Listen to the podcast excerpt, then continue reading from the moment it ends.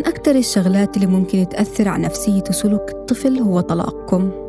لأنه بتخيلكم أفضل شخصين على وجه الأرض وبيشوف الدنيا من خلالكم وبيعتبر انفصالكم كارثة. لهيك لازم تتعاملوا معه بحرص كبير خاصة إذا كان صغير لأنه ما رح يتقبل الموضوع بشكل عقلاني. إذا كنتم مستوعبين بشو حيمر طفلكم ومش عارفين شو تعملوا معه لتخلوه يتخطى هالتغيير بأقل الخسائر لازم تتعاملوا مع كل ردات فعله لأنه لا إرادياً حيعتبر حاله سبب انفصالكم عن بعض. وحيصير يلوم نفسه ويقول كلمات عشان يقنعكم ترجعوا. زي إنه أنا مش حغلبكم وحسمع الكلام. لهيك لازم توضحوا من البداية إنه بعيد عن هالقرار. إذا حيضلوا الأولاد معك عزيزتي الأم رجاء رجاء ما تجملي الحقيقة. ولا تكذبي وتقولي مثلا بابا سافر.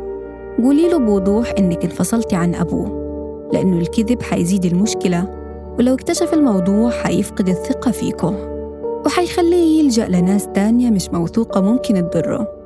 واتفقي مع جوزك السابق على كل أشكال التعامل مع طفلك سواء مكان الإقامة متى الزيارة سواء للأجداد أو الوالد والكثير من الأمور. وخلي الاحترام موجود بينكم قدامه.